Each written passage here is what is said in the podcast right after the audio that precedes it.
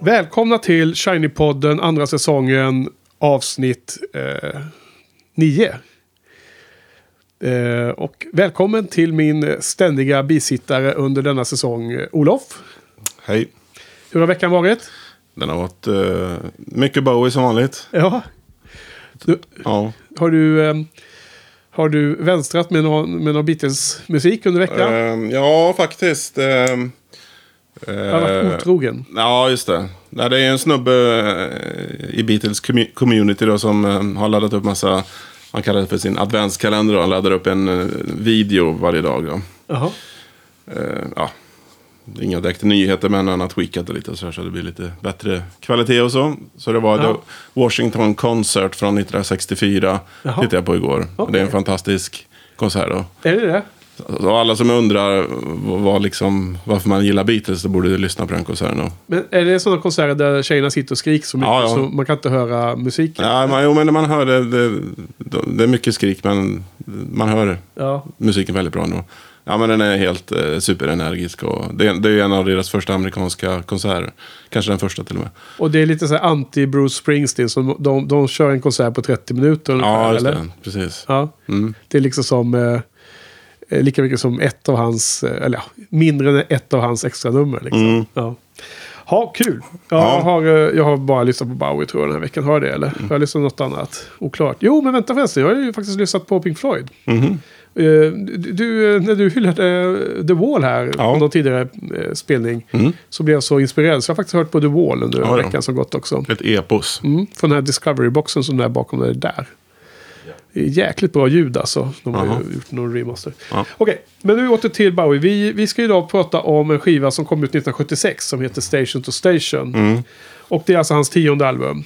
Ja. Så, så att, eh, jag, jag tror att vi har räknat rätt då. Va? Tionde albumet och det nionde poddavsnittet. Mm. Okej, och eh, eh, det här är ju då en skiva som... Eh, ska vi dra lite allmän bakgrundsinfo så... Som vi nämnde förra veckan så spelar alltså Bowie in den här filmen The Man Who Fell to Earth eh, under sommaren 1975. Och sen eh, är han då... Och den spelas in i New Mexico tydligen. Mm. Sydvästra USA. Sen så flyttar han till eh, Los Angeles och hyr eh, ett hus. Eh, han bor i och, och spelar in då Station to Station eh, under hösten eh, 75. Och sen släpper den skivan 76. Eh, han spelade in den med producent Harry Meslin. Som var den mannen som eh, ägde den här inspelningsstudion i New York. Där Bowie och Lennon och Carlos Alomar gjorde de här låtarna som kom med på Young Americans. Och eh, det samarbetet fortsatte där då i Los Angeles. Mm. Och det här var liksom en era när Bowie var extremt eh, stor konsument av kokain. Mm. Och eh, han jobbade eh, fyra dagar i sträck ungefär. Och sen var han ledig fem dagar. Och alla i bandet var tvungna att hänga på i samma tempo. Eh, men tydligen extremt kreativt och eh, otroligt så här... Eh, eh, produktivt. Men, men Bauer har sagt efteråt att han knappt kommer ihåg någonting Mm. överhuvudtaget från inspelningarna. Mm. Eh, överhuvudtaget liksom. Och ändå så står det beskrivet att han till exempel började, eh, han dök upp klockan sju på morgonen i studion. Och så spelade de hela dagen, hela natten fram till klockan 12 mitt på dagen, dagen efter. Det, då, vad, vad blir det? Nästan 30 timmar konstant då. Och, och då fick ju, då, intervju med Carlos Salomar och så, att ja, men då fick man ju liksom ta de droger som behövdes för att hålla sig vaken, liksom hänga på där. Eh, och så var han då eh, extremt nedgången, jättesmal. Eh, när han inte var i studion så satt han ju inne i det här huset. Har du läst något om det huset eller? Nej. Eh, det hade massa så här egyptisk konst. Och han, han drog aldrig upp eh, persiennerna. Så han satt där inne och gick, gick inte ut. Och var, hade total ångest och var liksom helt livrädd. Han var helt paranoid. Mm. Ibland så trodde han ju att eh, gitarristen i Led Zeppelin, Jimmy Page, var ute efter, efter honom. så att, så att eh, det är jättelustiga beskrivningar om, om de här, eh, den här perioden. Eh, alltså det låter ju som att det här skulle kunna bli hur dåligt som helst. Och det är säkert många skivinspelningar av icke lyckade skivor som blev dåliga. Men så är det tydligen så att det kanske ibland blir bra också.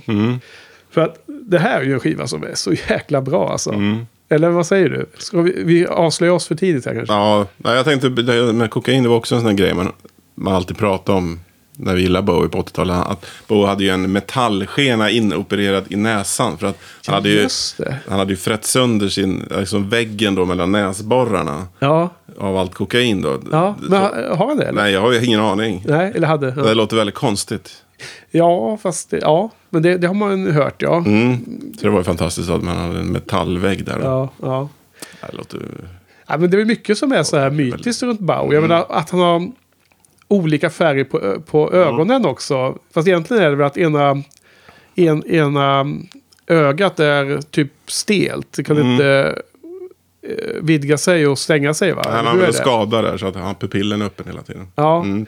men jag tror att man ser på vissa bilder ser ut som att även liksom själva färgen på ögat, på iris eller vad det är man har färgen, Mm. eh, eh, är olika, känns det som. Han ser ganska... Han ser ut som en liten alien om man tittar lite noggrant. Mm. Ja. Ja, det, precis. Ja, nej, så att hela skivan är ju då... För det första är det ett stort avsteg från den här eh, vita blåögda soulen som man gjorde i Philadelphia. Och det här är ju som ett stort kliv och ett tillbaks mot Europa, står det beskrivet. Mm. Och framförallt mer eh, elektronisk musik Mm. och, och så. Eh, det är som en halv, halvt steg tillbaks till. Han kommer ju hamna i, i Berlin snart och göra sin klassiska Berlin-trilogi mellan 77 och 79. Eh, vad mer kan vi säga om det här då? då? Eh, han är tillbaks på det här att han är så intresserad av okkultism och eh, egyptologi som vi sa då. då. Eh, också så här kabbala. Den här, eh, det är någon religion, alltså det är någon religion, religion förtecken där, någon eh, eh, filosofisk eh, tankegång om att det gudomliga i naturen, va? Hur Mm. allting hålls ihop. Ehm. ja, ehm, ska vi försöka börja, börja prata om låtar så kan vi komma tillbaka till den här filmen. För att eh, den här skivan känns som att den delvis hänger ihop med filmen i någon mening. I alla fall i Bowies huvud. Jag menar, omslaget på skivan är ju svartvitt. Ehm, och det är taget från filmen, där, det vet du va? Ja. Och i den här boxen då, som kom ut här, vad heter den nu då Olof? Can you hear me now? Nej, Nej, Who can I be now var det. Det. can I Mm. be now? Den. Där finns det ju en, en, an, en ny mixad version av Stations och Station-skivan från eh, nyligen. 2010 tror jag något liknande gjordes den. Av Harry Meslin ju. Mm. Ehm, och den här skivan är då en ste stereo, det är en vanlig CD. Den är alltså tagen från den 5.1-mixen som gjordes när Station to Station släpptes i en sån super deluxe-utgåva. Och jag har ju den, jag har ju den här versionen. Det här är ju med tre CD i en liten box. Eh, station to Station plus eh, Live Nassau Colosseum 76. Men det finns ju en större box som, som är eh, fyra CD-skivor, tre LP-skivor och Ja. en, en DVD. Ja. Och där finns den 5.1 eh, mixen som Harry Messling har gjort. Mm. Och den här CD andra CD-versionen av samma skiva i den här senaste boxen är ju då den 5.1 mixen ned, mi- mixad till, eller nedgjord till två. Mm. Man har eh, fixat till så den blir i, i stereo istället. Så att jag har lyssnat på båda de här eh, versionerna. Mm. Och kommit fram till att eh, den här Harry Meslin-mixen är mycket, mycket bättre. Absolut, jag har lyssnat på dem bägge också. Ehm, som du nämnde i något mejl att uh, låt, eller sångrösten kommer fram bättre. Och ja, sen är det vissa liksom, mixskillnader då. Alltså man, vissa, ibland hör man vissa instrument på ett annorlunda sätt och så vidare. Men eh, jag tycker det är ett klarare ljud, ett renare ljud. Inte kanske så mycket, eh, liksom ett torrare ljud, inte så mycket eko och så. Då. Ja. Vad, vad, vad de ville få fram tror jag. Ett torrare ljud är bra, bra beskrivning. Eh, Rösten, sången är ju tydligare längre Mm. fram i, i, i ljudbilden. Men också instrumenten är mer klara, mer separerade i någon mening. Känns Ja. det som. Det är inte lika... eh, Om man hör på båda efter varandra så märker man skillnad. Mm. Hör man bara på den äldre remasterversionen av, av ursprungsversionen så tänker man ju inte på de här sakerna. Det är Nej. först när man hör skillnaden som Ja. man tänker på det. Men då, i det perspektivet så känns det som att den, den äldre då känns lite mer eh, muddy. Liksom lite mer... Mm. eh, ja, eh, det, är, det är svårare att höra alla enskilda Mm. komponenter tydligt. Vissa låtar skiljer sig, men jag tycker en låt som TVC 15 är, en, där skiljer sig väldigt mycket. Ja. Eh, ja.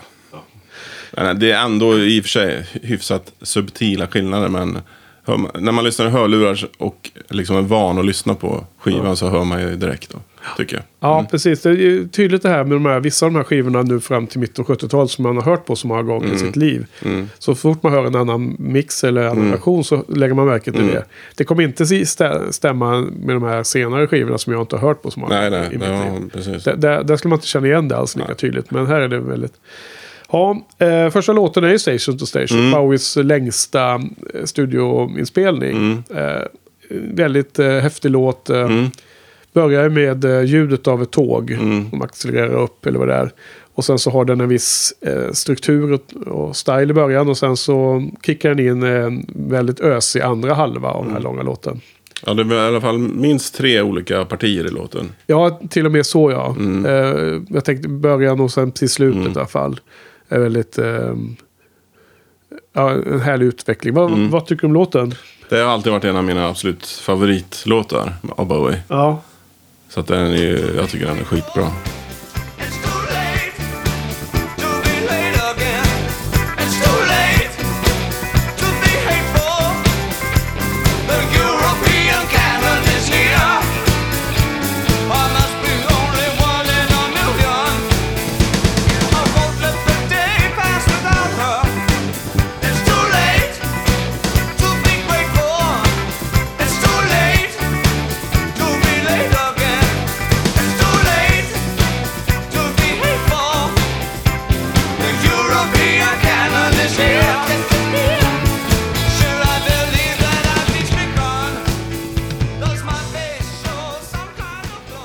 Håller helt med. Ja, Det, det, det, jag, tyvärr så har den väl...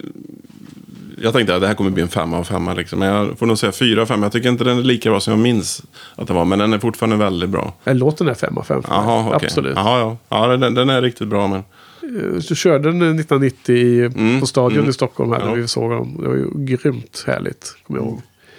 Ehm, Ja, men det är just det att det är änd- tempoändringarna och sådär. är ja, Skitbra. Så. Och här är ju en, en låt, hans längsta låt säger du. Men det här är en låt som är helt okej som, som lång. ja, det är liksom eh, undantaget som Mm. bekräftar den regeln. Ja, ungefär Ja. så.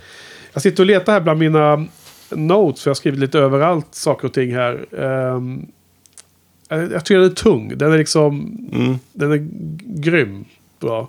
Det finns ju andra låtar som har så här eh, kopplingar. Eh, dels är det det här eh, häftiga tyska syntbandet eh, Tangerine Dream. Mm. Känner du till dem? Mm. Du har hört namnet. Mm. Eh, en av dem heter ju Edgar F- Fro- Fröse. Mm. Ja, hur du nu kan uttala. Hur uttalar du det på tyska? Det efternamnet. Ja, Frösö är det. Ja. Mm. Han eh, gjorde någon soloplatta eh, från 75. Epson in Malaysian Pale. Där han har någon låt som är väldigt liknande. Mm. Eh, eventuellt har de har påverkat varandra och det var lite oklart. Men eh, ännu mer tydligare var just det här med Jimmy Page. De eh, var ju också tydligen höga som hus när de spelade in den här... Eh, vad heter den? Physical Graffiti eller liknande. Då, som kom där runt 75. Och det är den här kända låten Kashmir. Också en jättelång studiolåt som också har en liknande typ av tempo i sig. Mm. Där är det inte att det är tåg man hör, men det är väldigt liknande beat. man Säger så. Och det den lustiga kopplingen att Bowie var rädd för honom. Eh, nej, jag tycker det är en fantastisk låt. Och det kan kanske tillägga att det, det är ju en eh, normal lång skiva, men det är alltså tre låtar per sida. Då, då. Så att det är ju eh, lite längre låtar än normalt sett. Och framförallt jämfört med Sigge och de här, den här eran och Hunky Dory och så. Då. Just det. Ehm, och Alomar, Carlos Alomar var ju med. Har sagt att det här var en fantastisk inspelningsperiod. De var så kreativa och de var så, det, var så, det fanns inga begränsningar nå, någonstans. Det fanns, De gjorde allt möjligt. Earl Slick är med också. Ernst Slick är med. Mm, och en annan känd faktiskt. Vad heter han nu? Roy Bittan. Mhm. Piano. Mm. Det är ju Springsteens eh, pianist. Jaha. Som, eh, som, som tydligen var i faggorna. Om de var på turné eller om det var någon paus i någon turné. Och sådär, så ramlade han in i de här eh, Mm. inspelningarna. Och han har också uttalat sig som att det var fantastiska dagar. liksom. Jag vet inte vad, Mm. vad är det de eh, då pratar om. Men i alla fall. Ja. eh, Och, ja. Och det är The Thin White Duke som introduceras här.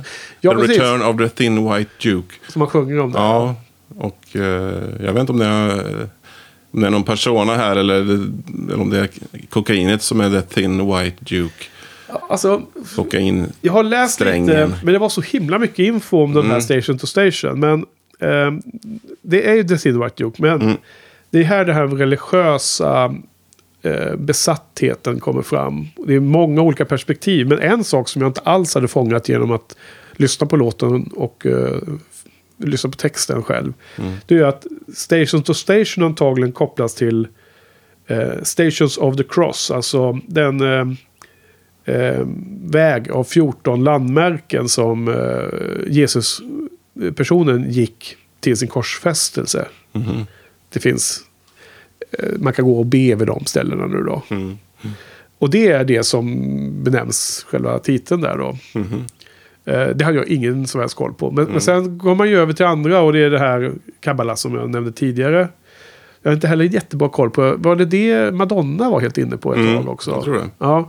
Livets träd och så tror jag stod där i någon artikel om det. Ehm, ja, plus, plus att jag har också fått en eh, känsla av hela den här skivan att Bowie inte riktigt har kommit ner från sin inspelning.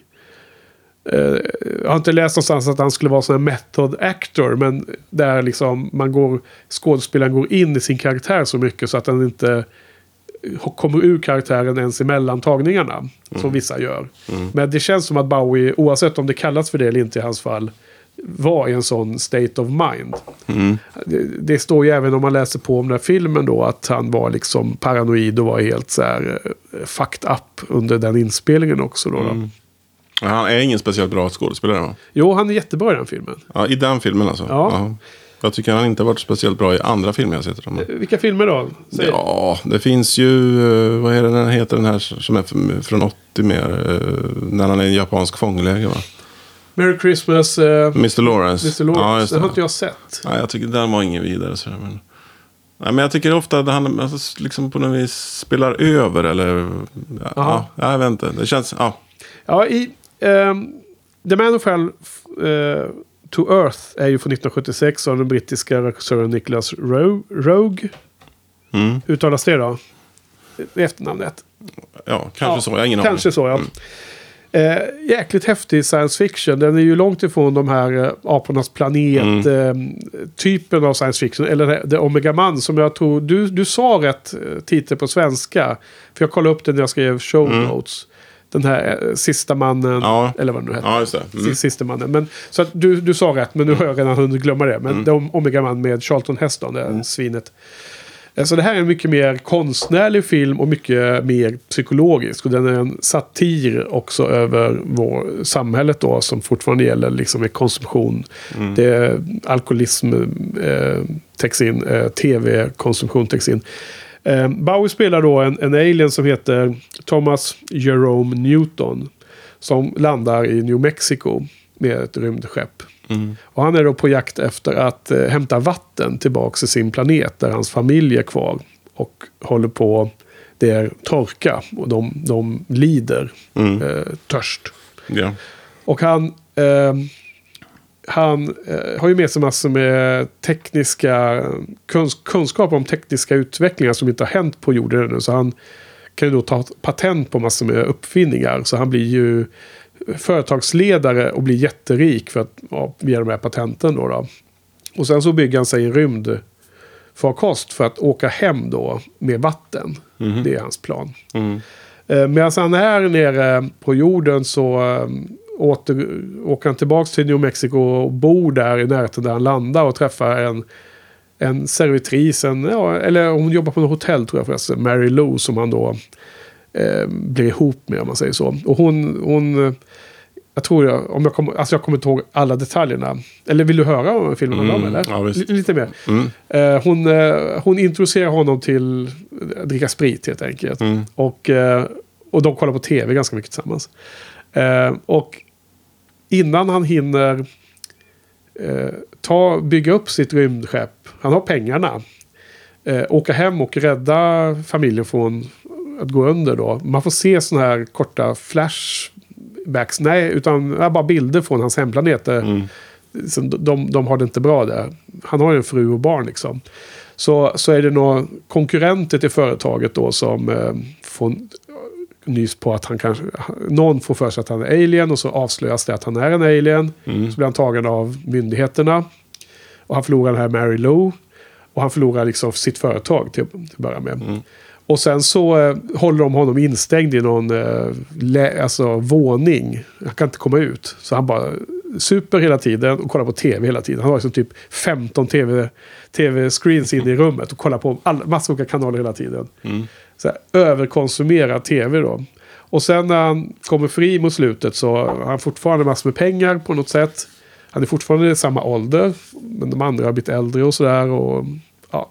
och, eh, men han har förlorat eh, sitt skepp då, då. Och istället för att flyga hem med vattnet då så, så är han, slutar med att han bara är alkoholiserad och beroende av att sitta och titta på tv. Och så får man liksom se hur familjen har dött då, då hemma. Mhm. Okej. Så jävla brutalt liksom. Ja. Det är väldigt sagligt. Ja. Och, och det här var ju liksom, tyckte jag, passar ganska väl in i stämningen som Station to Station-skivan ger en. Mm. Nu är ju inte Station to Station-skivan eh, filmmusiken då. då. Eh, han ville ju skriva, han ville ju göra det, men, men det blev inte så. Men Det- skulle, inte skulle varför. det vara Station to Station-musiken? Nej, det- det vet jag inte heller. För han fick nog aldrig chansen att göra Mm. det. Det är väl någon annan som fick göra den här filmmusiken. Men det, det finns ju på skiva att köpa. Jag har inte den. Men Mm. jag tror att det finns något Bowie-material med där. Jag är lite osäker där. Jag måste dubbelkolla det. Mm. Det känns som att den här filmen måste man nästan se. Den verkar Ja. jättebra. Alltså, ja, nu har jag redan spoilat den för dig. Mm. Men, men den är ju den är lång som fan också. Men jag tycker faktiskt att den var givande. Det är ingen 5 av 5 film. Men den var liksom... Den var kul att ha sett den. Mm. Man får ge det lite tid och det är ju långsamt berättande på 70-talet. Mm. Ja, du vet ju. Omega Man är ungefär samma. Eh, Det är lustigt här att eh, vi pratade om Alien också på eh, fikat innan vi började podda ikväll Olof. Mm. Du vet Prometheus. Eh, Michael Fassbender, den, den jättebra skådespelaren, spelar ju den här androiden David. Ja. Han har ju tagit sin, eh, sin tolkning av David, är ju tagen från David Bowies tolkning av The Man Who Fell to Earth. Mm. Så han, han eh, har blivit inspirerad av Thomas Newton, Ja. den versionen där. Eh, han har ju bland annat linser för att inte se, man, man kan se att han är en alien på ögonen för de är, som är du vet, ser ut som så här tunna skåror lite som eh, ödlor har. Mm. Men eh, de här myndigheterna gör ju sådana här hemska experiment på honom. Så de, bland annat så bestrålar de ju hans ögon. Så att linserna bränns fast också. Så han kan liksom inte ta av sig de här mänskliga utseendet. Ja, den är väldigt sorglig hela filmen. Mm. Okej, men i alla fall. Eh, Ja. så åter till eh, skivan då. Så eh, efter den här fantastiska Station to Station som är nästan 10 minuter lång. Mm. är ju halva sidan va, Ja. på LPn. Så går den över in i Golden Years. Mm.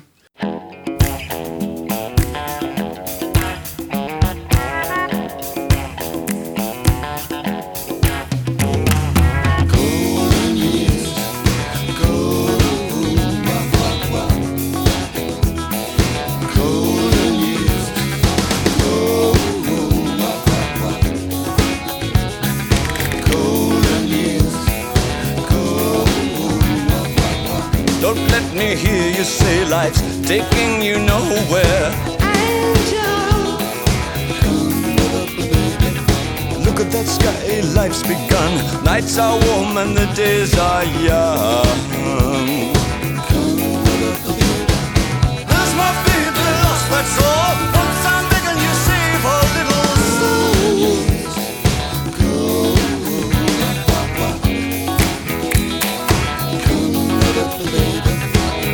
Last night they loved you, opening doors and pulling some strings. Angel. In walk luck and you looked in time. Never look back, walk tall, act fine.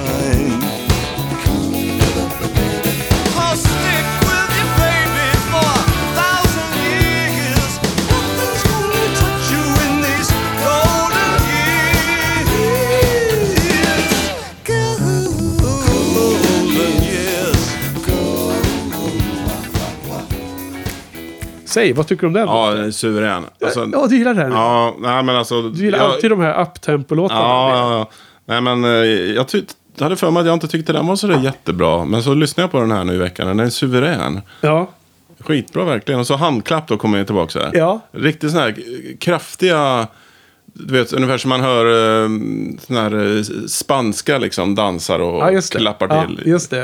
Eh, sån dans. Mm. Ja. Eh, ja, jag tycker den är... Tango-dans. Ja, typ sådär. Ja. Alltså. Sen, sen noterar jag att den här är också från någon film. Är det? A Night's Tale. Ja, A Night alltså. Har den använts eller? Ja, det verkar så.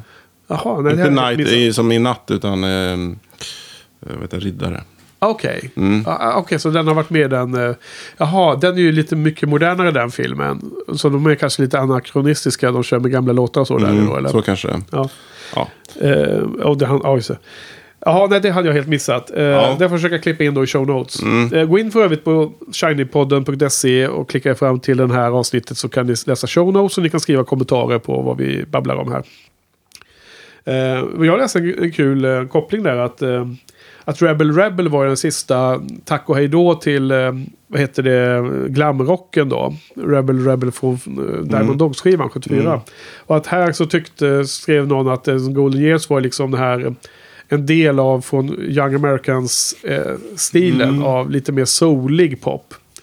Eh, att, att det var liksom ett eh, last hurray för den influensen till att komma in mot eh, det här mer synt, synthesizer-ljudet som kommer på kommande skivor. Mm, möjligen. Du köper inte det? Nej, men jag tycker snarare den här eh, låten på andra sidan Wildest the Wind eh, är mer Ja. soul-aktig. Den, den, är, den är också liknande. Ja. Det, det finns sådana moment i det. Men vi, får, vi måste komma till den. Den Ja. ska vi prata ordentligt om. Ja, Eh, eller hur? Eller vi kan hop- ska vi ta det då kronologiskt här eller? ja visst. Mm. Nä, nästa låt är ju word, word, word on a wing. Mm. Ord on, på en vinge. Ja, vad det ja, nu kan betyda. ja. Eh, vad tycker du om den? Eh, också en fem av fem. Ja, otroligt bra. Mm.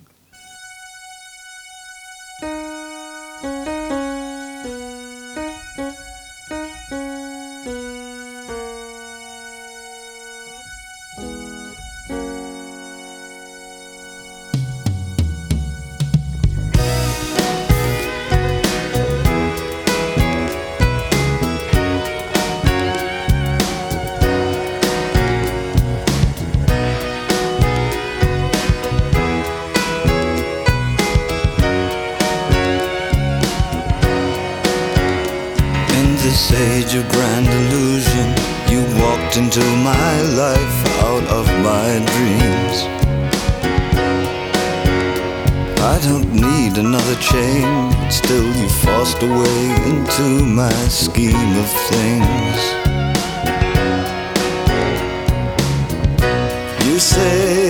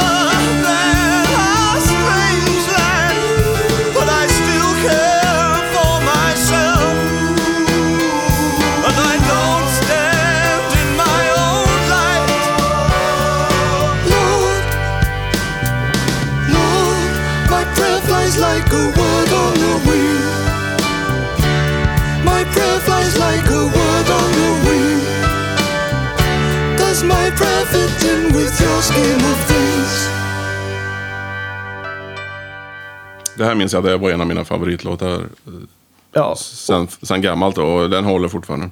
ja, och den är fantastiskt bra. Den finns också på extra-versionen på Ryko så är det ju två live-låtar. från den här 76-turnén som nu är med i den här trippelutgåvan. Den. live. Ja, precis. Och Word on the Wing var den live-versionen som är otroligt bra framförd live där 76. Eh, lugn låt. Eh, nästan som... Det, det har också något religiöst tema och det är nästan som en sån här religiös hymn. Känns det som. Eh, men sången är ju helt fantastisk. Där, alltså. Ja, väldigt, väldigt bra här. Ja. Och det här beskriver att den är sprungen ur den terrorn han eh, kände under filminspelningen. Där då. Mm. Eh, Så, så där finns en sån koppling till den mentala state han var i där. Då. Mm. Alltså att, eh, väldigt bra första sida.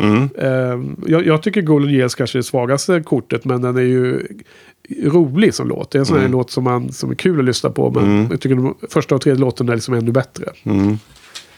Ja. Eh, sen på andra sidan då så börjar vi med TVC 15. Mm.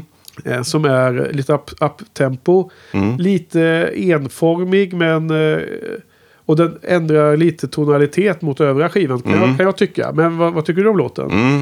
Eh, Det är lite grann samma som Golden Years. Jag hade minne av att jag tyckte inte den var så jättebra. Ja. Men jag tycker den är helt suverän också. Ja. Den har verkligen eh, liksom stigit i klass hos Ja, mig. ja fasen var. Skitbra. Och de har... Eh, det är några sådana här lustiga backing vocals. Väldigt ljusa röster. Okej. Det låter som små barn liksom. Jag vet inte fan. Det har inte jag det, det måste du lyssna på. Den är, Men var det just på Harry Meslin? Eh, ja, den är, eller? tydligare där. Ja. Eh, men de hörs även tydligt på den originalmixen. För Är det inte här TVC 15 som man hör Bowie säga något innan sången börjar? Ja, på, på mixen. Ja, precis. Han säger TVC 15 Ja. som man inte hör. Det man hör man inte ens i. Nej, en- jag vet inte om man lyssnar noga kanske man hör det nu. Men eh, alltså man hör det väldigt tydligt på mixen. Eller, eller kan det vara något som han har tagit med här Meslin eh, från något, någon del av alla de här spåren som inte har använts i jag vet förra inte. Det är mixen? en väldigt stor, tydlig skillnad. Jag vet inte hur stor skillnad det kan bli om de säger att det är en remix. Då ska det inte vara, då är det inte nya tagningar då. Mm. Nej, nej. Obviously. Nej. Mm. Det måste ju vara samma tagningar. Men frågan är om man kan använda olika ljudspår, olika trummor eller olika gitarrer eller ja, som i det här fallet. Mm. Det, det är väl en... Jag vet inte- vet inte om det finns någon sån här regel liksom. Nej. Det kan nog vara vad som helst.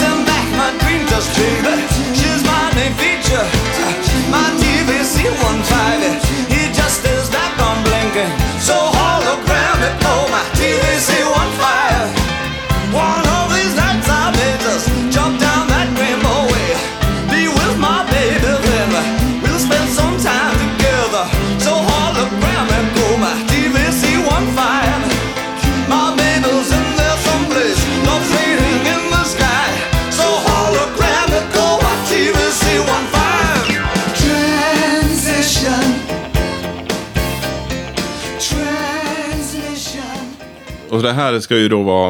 Eh, handla om Iggy Pops flickvän då. Som, hur var det nu? Iggy Pop hade någon sån här kokainrus eller knarkrus. Där han fick för sig att hans flickvän blev uppäten av tv-apparater. Ja. Och det skulle den här låten handla om. Då. Ja, precis. Jag har också eh, skrivit ner det här. Det är ju hysterisk eh, anekdot. Eh, Man kan tänka sig om Bowie är jättehög och, och liksom tror på den där storyn. Mm.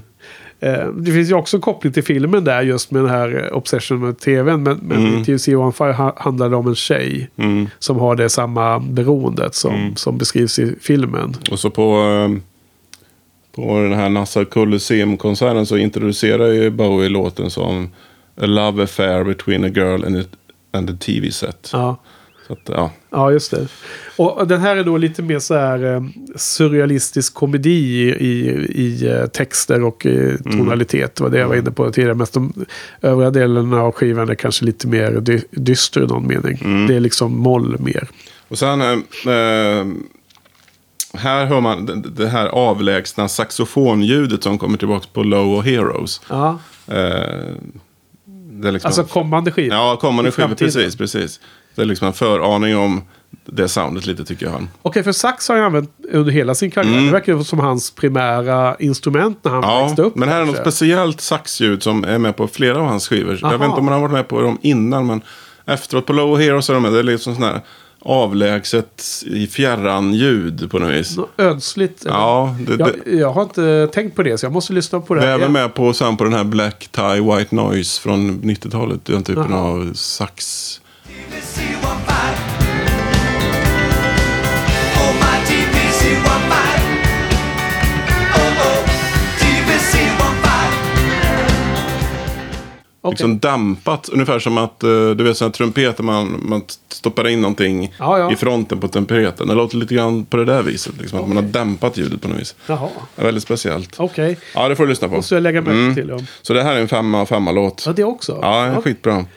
Eh. Jag, sen undrar jag, vad- TVC, ja tv då såklart, men vad 1, 5, 1, 5, vad, vad kommer det ifrån? Vet du? Nej, Nej, jag jag har inte sett den tåg, men uh, inser ju nu helt plötsligt att jag själv o, obetänksamt sa att det var för 15 tv-skärmar han hade i den där eh, filmen Mm.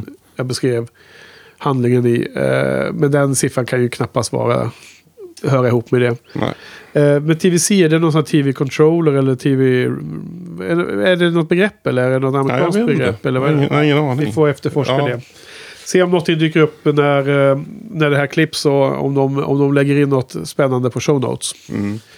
Som en liten eh, sådär, anekdot, live-anekdot som vi ofta tar upp. Den här spelades ju på eh, Live Aid 1985.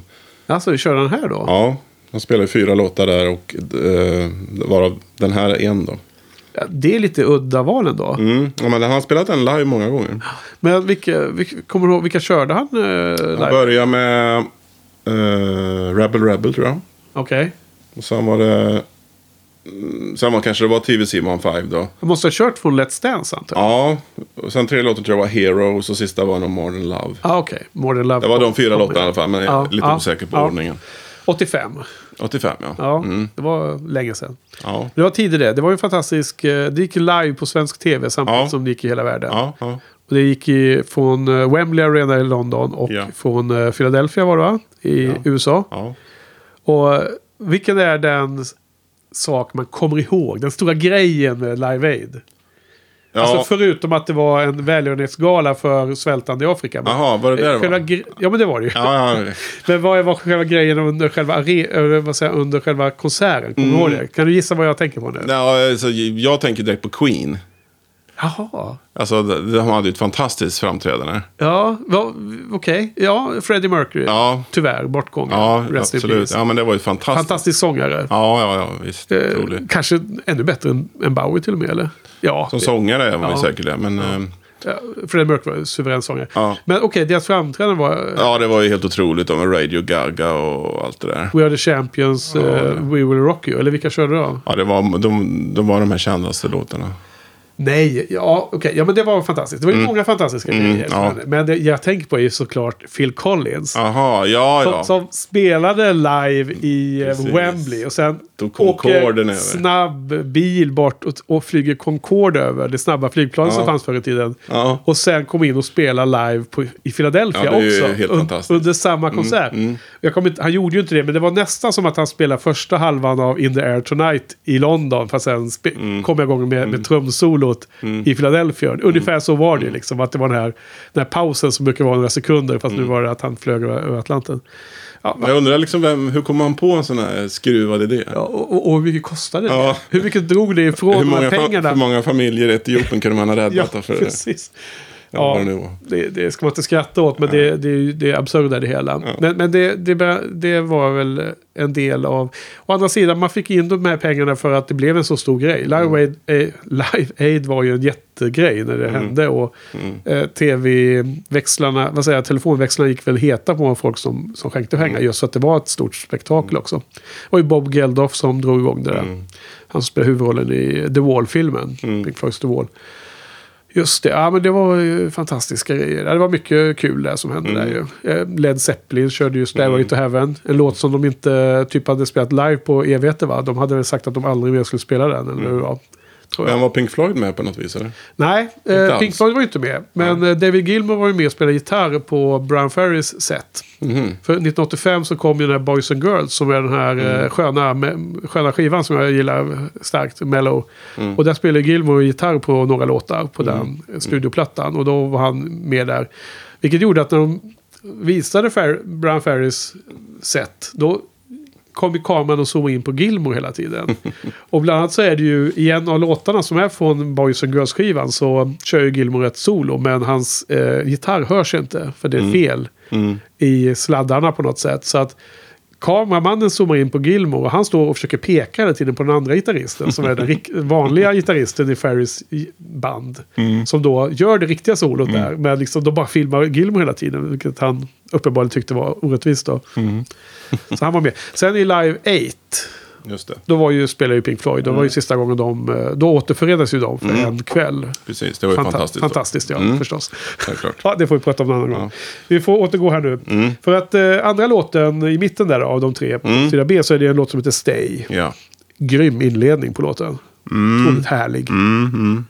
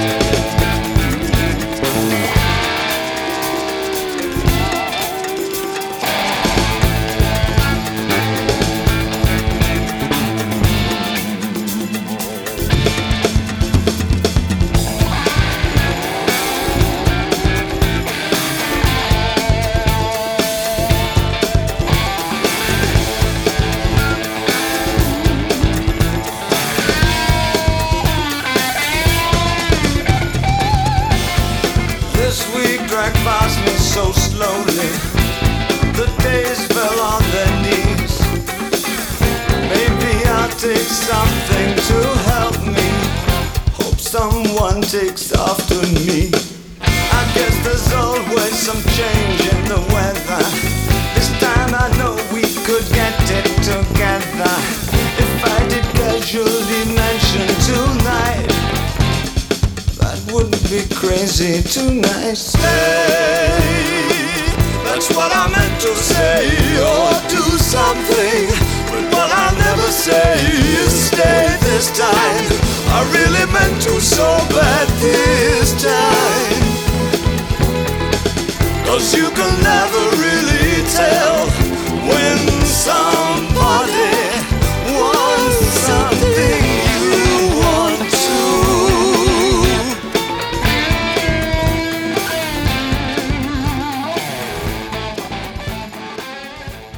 Eller vad tycker du? Gillar du Eh, den? nej, jag gillar inte den här låten. Nej, den är inte så bra kanske. Nej, eh, alltså inledningen, är, det det håller jag med om att det är en bra inledning. Men det, det här är faktiskt en, den håller på för länge låten. Nej, jag har aldrig gillat den här låten. Ja, Två av fem. ehm, alltså visst, den har vissa okej inslag. Absolut ingen dålig låt egentligen. Men jag, jag, det är någonting jag inte gillar med den bara. Ja, Mm. jag kan säga att jag tycker att den är bättre live. Det Mhm. kanske du håller med om. Den, den är ösig som fan där. Mm. Det kanske du ska lyssna på. Intressant att du tar upp just detta med live. För att jag, någonting jag tänkte säga här var att eh, jag tycker den här eh, skivan är mycket, mycket bättre studioversion. Ja. Än liveversionerna av låtarna. Alla? Eh, Ja, eh, över, överlag. Ja. Till exempel TVC 15 och Golden Year. Ja, Ja.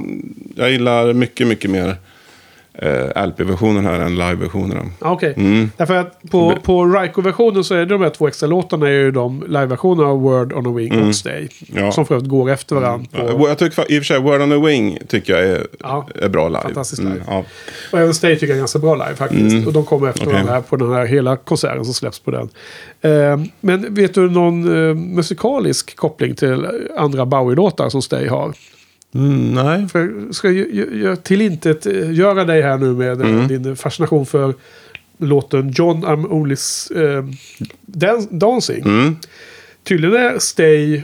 Alltså de har brutit ner John I'm Only Dancing-musiken och sen Mm. byggt upp det till Stay igen. Det, det finns någon eh, överlapp här. Det finns, de har återanvänt eh, melodin på något sätt. Mm, ja, Känner du igen kanske. detta, Ja, nej, jag har aldrig hört det faktiskt. Men jag sitter och tänker, lå, försöker spela upp låtarna i huvudet här nu. Ja, nej, jag har inte heller gjort det här. Kanske. Jäm, jämföra, för, för jag har inte heller uppfattat det här själv. Det här läste jag i... Undrar om inte det kan vara med den här John Only Dancing Again då, som är på, de påminner nog lite grann mer om varandra. Ja. Ja, det där måste vi lyssna lite på. Du får jag. kolla upp det, för Mm. jag, jag tänkte du hade säkert koll på det. Så jag bara skrev lite kort not om det här. Och har, har inte... Det finns ju flera exempel på sådana här grejer han har återanvänt. Ja. Jag tänker på...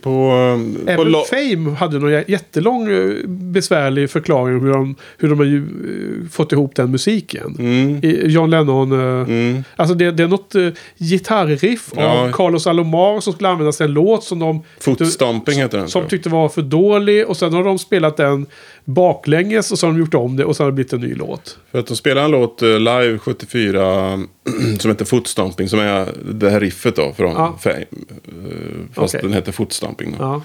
Kan vara Dick Cavett Show faktiskt. Alltså, okej. Ja, ja. Ja, men då har ju, då har lyssnarna sett det. Ja, ja. Ja. Eh, nej, men det finns ju på Lodger där. Han, han, det är En, väl en, kommande skiva. Ja, just det. Från, från 79. Eh, där han har tagit någon låt från The Man Who Sold the World va? och spelat baklänges och, och sådär. Va? Vilken låt är det? Nej, men du tänker är det- Det här i början på Scary Monsters är det också baklänges av sig. Ja, nej det, nej, det här är ju Lodger. Ja, okej. ja. Ehm, Ja. Nej, du, du får kolla upp vi- det. vi kommer dit. Du får kolla upp Mm. det inför att vi pratar om Lodger. Om Ja. näst... Ja, det är om tre veckors avsnitt. Det är tre. Mm. ja, det ser jag verkligen fram emot. Lodger. Ja, Ja. Stay då, då. Men Ja. sen så har vi då sista låten på andra sidan. Den heter ju Wild is the Wind. Mm. Och här har vi ju den obligatoriska covern. Ja. Mm. Och visst är det tråkigt med covers. Ja, speciellt när den är så här bra. Eller på säga, man skulle vilja att Bowie hade skrivit den själv. Ja, alltså det här är ju så otroligt bra låt. Mm. Det här kanske är en av Bowies fem bästa låtar. Mm, mm, mm. Ja. Jo, alltså den här är, tycker jag då. Mm. Otrolig låt. ja, det är väldigt bra. Ehm, jag måste reda ut här nu. Det här är ju... Uh, vad står det då? Eh, Wild is the Wind är alltså en cover som är från 1950-talet. Jaha, så länge sedan. Eh, Den gjordes till... eh, det var en filmlåt. Till en western från 1956 som heter Wild is the Wind. Och den blev nominerad som bästa låt på det Oscars, Oscars för det året. Det var Johnny Mathis som var artist då. Eh, men den vann inte, men, men den var nominerad. Mm. Sen då blev den mer känd när Nina Simone spelade den live 59. Tre år senare. Mm. Nina Simone är ju en otrolig sångerska. Mm. Eller var. Jag gissar att hon inte lever längre. Har inte kollat upp. Eh, och Bowie var jättefascinerad av henne. Känner du till Nina, Nina Jag känner Simone? igen namnet. Hon, hon eh, gjorde ju den här Sinnerman. En, en otroligt bra låt. Eh, som är eh, den låt som jag känner till henne bäst från. Som också används i bland annat The Thomas Crown Affair. Med eh, eh, Pierce Brosnan. Som jag älskar den filmen. Mm. Eh, men eh, hon gjorde den live 59 på skiva och sen släppte hon den på studioalbum 66 faktiskt. Den här, Wildest to Wind. Och Bowie var superfascinerad och han ville, göra, han ville jobba med henne. Han ville göra någon form av eh, skiva med henne, men det blev ju aldrig av. Han, är- man läser genom åren så har han ju massor sådana idéer att han ska göra eh, collaborations och så. Men det, det mesta blir det ju inte någonting av då. då men, men ibland poppar det upp. Och sen så körde han den här låten då, och, den är så fantastisk alltså. Mm. Ja. Eh, finns också med på den här fantastiska extra-serien från Bauer at the Beeb. Den här eh, turnén, vad säger, konserten från eh, sommaren 2000 som Ja, är med, den extra-serien. Mm. Eh, så kör han Wildest to Wind. Just det. Otrolig version också. Eh, För, för det här är ju inte någon låt som har körts live så mycket. nej, Tyvärr. den repeterades till 1983 års turné. För, men jag tror inte den spelades mer än någon enstaka gång i så fall. Okej, men den är kanske med på Dallas-banden då, eller? Ja, men jag, und- jag undrar om inte den spelades live några gånger faktiskt. Mm. Ja, Ja, Nej, men det, det är skönt att du också tycker den är bra i alla fall. absolut. Även om du... Det är schysst att det är en bra cover. Ja, Jo, fast det var ännu roligare om Bowie hade skrivit den själv. På något sätt känns det som att originallåten är så eh, udda och apart. eh, Som en filmmusikslåt. Och sen har den gjorts cover då av Nina Simone som också är en, en, en artist kanske prim, primärt från en annan era. Så att på något sätt känns det som att det är inte som att göra en cover av samtida Rolling Stones eller något sånt där. Utan det är liksom en låt som man plockar upp och tar, tar, ger, ger nytt liv. Mm.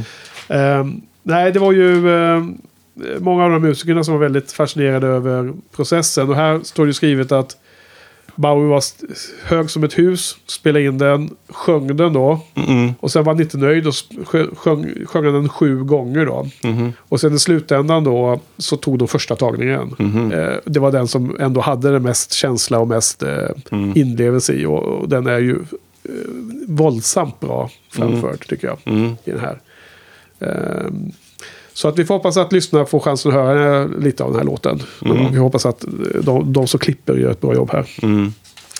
Ja, ehm, nej men det är ju faktiskt så. Inte alltid fel med en cover i det här fallet då. då.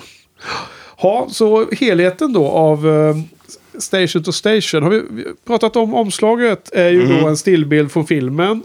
Och de valde att ta det i svartvitt för att det var tydligen något fel med färgen. eh, Som, om jag får, får titta på ena där. Eh, det är väl något, eh, just det, himlen här bakom som, som syns där ovanför huvudet på honom. Eh, var, var tydligen fel på fotot tyckte Bowie. Det blev, såg inte naturligt ut så han ville ha det svartvitt då. då. Mhm. Ehm, och ehm, ja, jag tycker det är suggestivt. Jag tycker det är eh, bra omslag. Mm. Det är väldigt konstigt. Man svårt att förstå vad det är för något. Jag kommer inte ens ihåg scenen från filmen just nu faktiskt. Det måste vara någonting från hans rymdskepp där. Då. Ja, det kan det vara. Det stämmer. Det Mm. kan det vara, ja. Eller ja, kanske. Ja, något. Det ser ut som att det är någon sån här ljudrum som de går in i. Tyst rum. De Ja, brukar ha eller- såna här paneler på väggarna. Det ser ut som ett sånt rum som man får sitta i när man får, får på sig en sån här tröja som har långa ärmar som binds bakom ryggen på en. Mm. som en eh, eh, insane asylum. Jag läste det just som sådana här ru- rum som blir helt tysta. Att om man får sitta i ett sånt rum så blir man helt galen. Jaha. Man klarar inte av det när det är helt tyst då. Nej. Man måste liksom få någon form av respons då av Ja, sitt eget kroppsljud. Och, Och man måste få liksom en input till hjärnan. Ja. ja, så man, då blir man helt sinnessjuk till och med sitta Men hur länge, hur länge tar det? Ja, det går snabbt tror jag.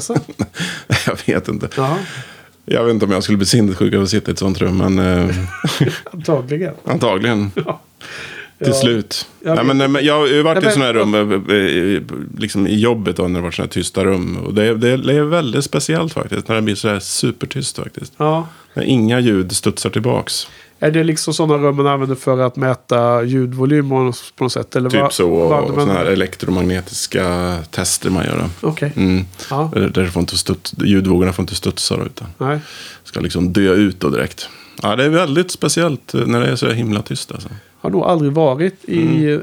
eh, något sånt överhuvudtaget. Jag tror inspelningsstudior har väl lite grann den där varianten också. Det gillar man väl inte att det ljudet studsar Ja, hit och det, dit. det är liksom. folk som sätter upp äh, ägg i kartonger på Ja, väggarna och precis, sånt där. precis. Mm. För att det ska liksom absorberas och inte studsa tillbaka. Så att vi spelar in här inne förstås är ju också för att det är ganska lite eko på grund av att jag har hyllorna här med filmer och, Mm. och äh, skivor och sånt. Och, och helt enkelt smarta på golvet här inne Mm. i filmrummet.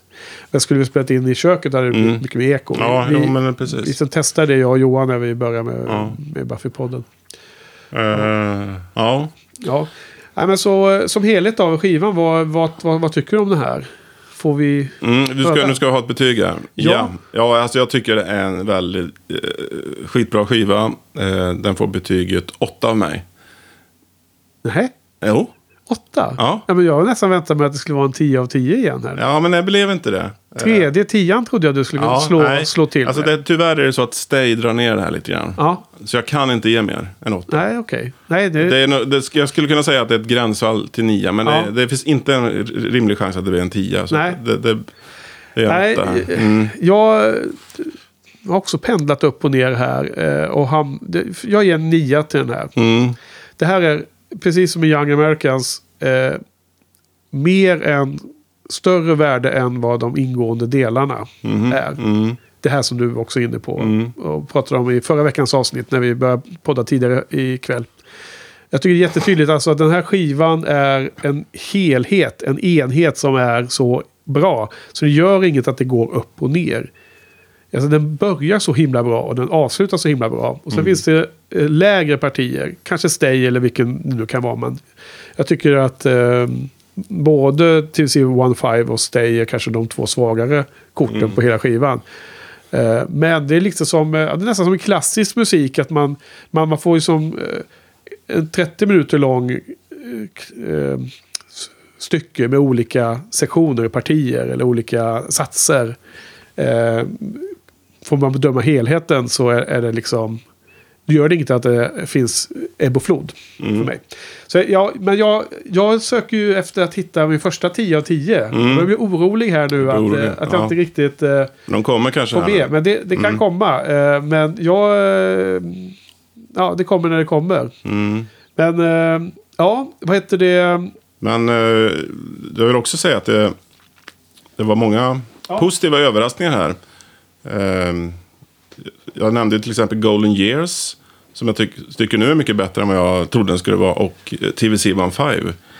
Ja, och det, och det är väl Två de här suveräna låtar här nu. två, två skivor som jag blir lite förvånad att du lyfter upp. Men det är ganska Två kul. låtar. Mm. Ja, men de här två. Ja, ja. Mm. eh, Golden Years och TC Mm. 1.5. Att du lyfter upp de, de två. För jag håller med. Det var de som jag kanske fortfarande inte tycker är de starkaste. Men eller, alltså de är, de är mer roliga än Mm. Sköna. Liksom, han sjunger ju annorlunda och de är lite ösigare. Mm. En grej jag gillar på skivomslag det är att den här speciella fonten han, de använder här. Att, Ja. Som inte har någon mellanslag mellan orden. Ja, Eh, lite, jag undrar om inte det påminner väldigt mycket om fonten på Stockholms tunnelbana. Alltså st- bara st st eh, stora bokstäver. Versaler heter det va? Ja. Mm. Även när det borde vara gemener. Eh, har de haft förut i alla fall på Stockholms tunnelbana. Jaha, jag tror de har gått ifrån det nu men Ja. eh, ursprungligen från Ja. 50-talet. då. så blir det lite nostalgi för det. Mm. Jag gillar det. Ja, man får Ja. in och titta på de här omslagen eh, på show notes. Mm. Ehm, jag tänkte att vi skulle, jag skulle eh, kolla lite hur, den, hur skivorna rankas. Vi har ju pratat om två skivor ikväll. Förra veckans avsnitt var det ju Young Americans från 75 och nu är det eh, Station to Station från 76. Ska vi kolla lite på dem? Ja, det ska se. bli intressant. Ehm, för att eh, jag brukar ju börja med eh, Rolling Stone eh, läsarundersökningen från 2013. När ma- det var topp 10 som står med här då. då. Och då är det ju Young Americans är nia på den listan. Och eh, Station to Station är trea. Oj. Så då har vi redan hört de, de högsta tre. Siggy var etta, Hunky. Dory tvåa och Station to Station trea. Då.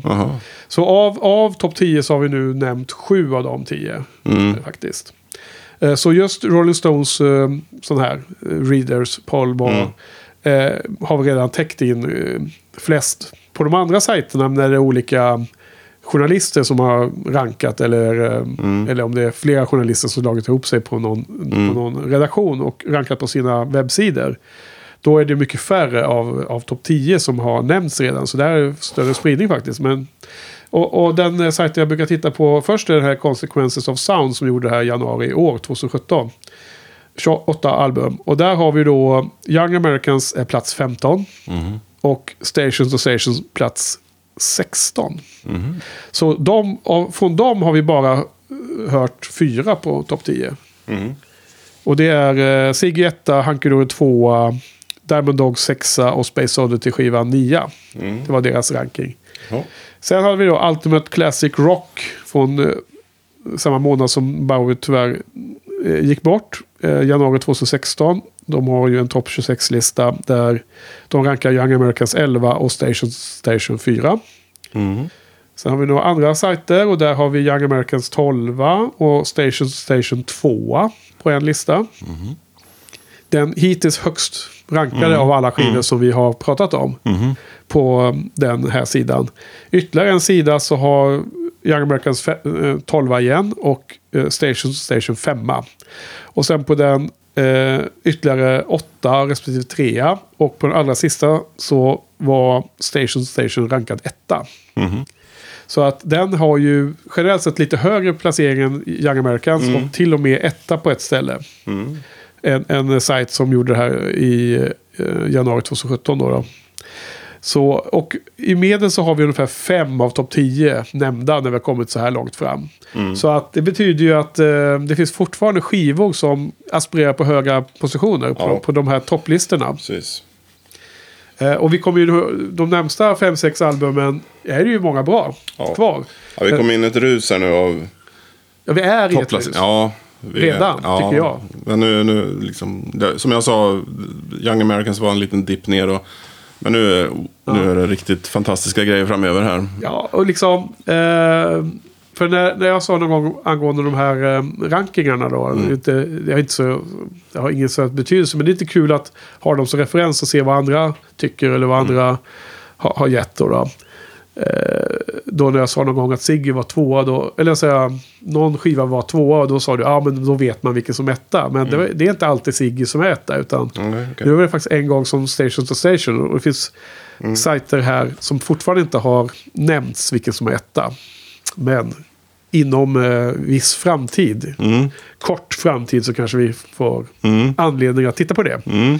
Så, för vi, nästa vecka, vad är det vi ska prata om då? Ja, då är det ju nästa skiva såklart som är Low. Low, Mm. som släpps våren 1977. Den första av de tre skivorna som kallas för Berlin-trilogin. Mm. När han spelar in det i Berlin och han jobbar med Brian Eno från eh, Roxy Music. Mm. Är väl Brian Eno, eller är jag helt förvirrad nu? Eh, ja, jag vet faktiskt inte. Jag blev lite förvånad när du Oj, sa det. nu blir jag eh, orolig här. Ja, men det... Ja, du måste kolla upp det här nu, Olof. Ja. Så, jag, jag, jag kan... Berätta lite kort om, eh, om eh, Low, så kollar jag upp det här. Ja, jag tänkte säga så här först. Jag tänkte prata om det här med discovågen som var i slutet av 70-talet. Eller mitten av 70-talet. Jaha. Och jag funderar lite på, kan man liksom knyta någon av Bowies skivor till den? Men jag kunde inte komma på någon. Det skulle ju vara... Low passar ju ganska bra i tiden, men då har jag- han ju helt svävat iväg på andra. Ja, jag Saturday tycker- Night Fever kom ju i slutet av 1977. Eller Ja. ja. hösten tror jag. Filmen alltså, med John Och så var det Travolta. Bee Gees. Så var det The Bee Gees. Och det, det måste ju vara någon form av klimax på discovågen. Eller? Ja, eller början. Nej, jag tror inte det är början. Nej. Det fanns innan. Men det, det, i alla fall någonstans då. Ja. Men jag kan inte se att Bowie har någon liksom disco. Nej, eh, Det skulle vara eh, här då på Station to Station möjligen. Nej. Nej ja, Tidsmässigt, ja. ja. Tidsmässigt. men inte, det finns ju ingen disco på den här skivan. Nej, Eh, och inte på Low heller. nej, och, och, men nu måste man säga, först och främst, nu kollar jag på, min, på, på internet här. Mm. Eh, Brian Eno är ju, var ju i Roxy Music. Ja, vilken tur. Så han var ju keyboard där då. Och Mm. sen så har han ju varit... Eh, hoppade han väl av där och sen så har han jobbat med massor med artister. Mm. Och Bowie mm, framförallt då. 70-talet. Nej, men åter till diskot. Jag tror inte att Bowie hade den svängen. Eller Nej. jag vet att han inte hade det ju. För vi vet ju vilka skivor han gjorde. Eh, däremot så är det väl andra skivor på 80-talet och framåt. Så börjar man ju med massor med remixar på Mm. albumspår. Många artister har Mm. hållit på. Och då gör man ju massor så här dansversioner av det. Men det är ju inte disco. Nej, nej. Det är ju mer dansversioner är av, av eh, men 80-tal och 90-talsmusik som i dansremixar. Men det, det är inte det vi pratar om nu. Nej. Nej, nej. Du menar alla 14 versioner av eh, Paul McCartneys No More Lonely Nights. Som gjorde att man inte liksom, hade råd med någonting annat när man var, eh, liksom, gick på gymnasiet. Var tvungen att köpa alla 14 maxi-singlar. Men nu, var det den där absurda musikalen eller? Ja, det, den här filmen Give My Regards to Broad Street. Ja. Och den, Som var det ett fiasko. Film. Men den låten är ju superbra. Det är för, för övrigt David Gilmour som spelar gitarrsolot. ja, just det. alltså, det gör jag. Det är En av Paul. McCartneys bästa låtar. Och det var ju därför jag hade den skivan. Eh, på LP. Eh, Ja. men den var ju ganska dålig va? Ja, alltså nej, det är en katastrof. Film, filmen är en katastrof. Men låten är Precis. bra. Mm. Gilmore spelar ju det i solot där och det är ju svinbra. va? När du säger det. så- För sen var han också med och spelade på den andra skivan som var orange. Mhm, Orange. Paul McCartneys eh, röd, orange. Jaha, du menar det var en sån här rock, eh, rockskiva? Nej, nej!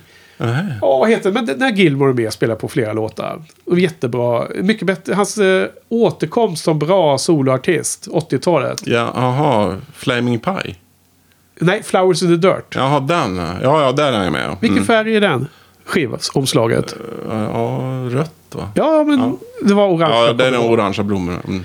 Flowers in the Dirt är ju Gilmore med och spelar jättebra gitarr på några låtar. Mm. Och de har skrivit ihop till och med kanske. Nej, det vet jag inte. Nej. Nej, Nej, Paul släpper inte in någon. Nej inte i onödan. Nej. Hur, var, hur var det med den här anekdoten om att Per Gessle skickat låtar till Paul McCartney? Eller hur var det? Mm, det var en sån här anekdot som, som eh, Skövde-killen Sigge alltid drog. Ja. Att eh, Per Gessle hade skrivit låtar och så skickade han dem till Paul McCartney. Och ifall han liksom ville använda låtarna då så var det okej, liksom, tyckte Per Gessle. Ja. Men eh, ja, då hade McCartney svarat att nej tack, jag kan skriva mina egna låtar.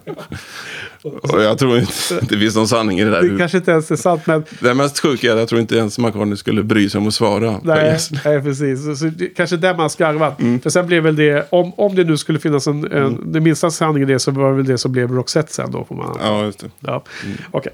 Men du, eh, åter till disco. Nej, kanske inte så mycket disco. Så hur kom det sig att du började tänka på disco då? Nej, det var det här med...